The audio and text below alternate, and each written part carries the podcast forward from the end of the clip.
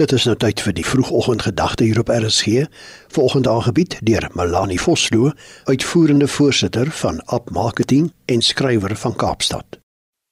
Goeiedag luisteraars. Hoekom bid jy? Ek is seker jy bid. Soms dalk meer as ander kere. En jy sal moontlik kan getuig dat jy al wonderlike gesprekke met God gehad het, naby aan hom gevoel het wanneer jy gebid het en regtig jou hart teenoor hom kon oopmaak. Maar dit sou ook baie natuurlik en menslik wees as jy met eerlikheid kan sê dat jy nie altyd met God in kontak is nie. Dat hy soms ver voel en dat jy met tye wonder of hy jou regtig hoor. Of dit dan nou nog 'n verskil maak om te bid. Nou die dag sê iemand vir my: "Ag jy weet ek bid maar want dis seker 'n goeie versekeringspolis om nie gestraf te word nie en ah dalk help dit my om in die hemel te kom." Iemand anders sê: "Ek bid omdat dit my beter laat voel en dit vir my lekker is om met hom te praat." En nog ander sê ek bid omdat ek bang is, antwoorde soek, wysheid nodig het, afhanklik is van God. En dan seker een van die mooiste antwoorde. Ek bid omdat ek nie anders kan nie. Dit is net vir my so lekker om te bid. Dit is vir my verrykend, vervullend. Dit gee aan my vrede. Ja, dit raak elke aspek van my lewe. En wanneer ek klaar gebid het, kyk ek met nuwe perspektief na alles rondom my dan lyk dit wat goed is nog mooier en dit wat sleg is glad nie meer so sleg nie. God ken elke detail van jou lewe, jou denke, jou hart, jou wese. Dit weet jy, maar dit mag jou ook laat vra, as God dan alles weet, waarom bid ek?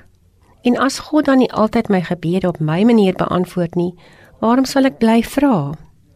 In die film Shadowlands probeer C.S. Lewis sin maak van sy vrou se siekte. Daarom bring hy baie tyd by Jesus deur.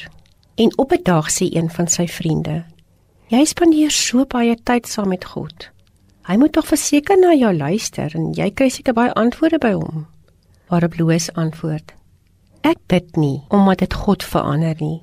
Ek bid omdat dit my verander." Gebed is nie iets wat ek en jy hoef te doen om in God se goeie boekies te kom nie. Veel eerder is dit 'n uitnodiging aan hom sodat hy die storie van ons lewens kan help skryf. Dis 'n geskenk wat ons elke dag ontvang. 'n Geskenk wat ons kan verryk, versterk of ons kan hierdie geskenk los, aanstap en dan arm en miserabel bly. In Joël 2 vers 12 lees ons: Draai om na die Here jou God want hy is genadig en barmhartig, geduldig en oorvloedig in sy troue liefde. Kom ons bid. U ken my Here.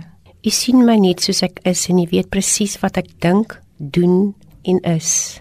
En u hoef allermins met my te praat, maar u doen.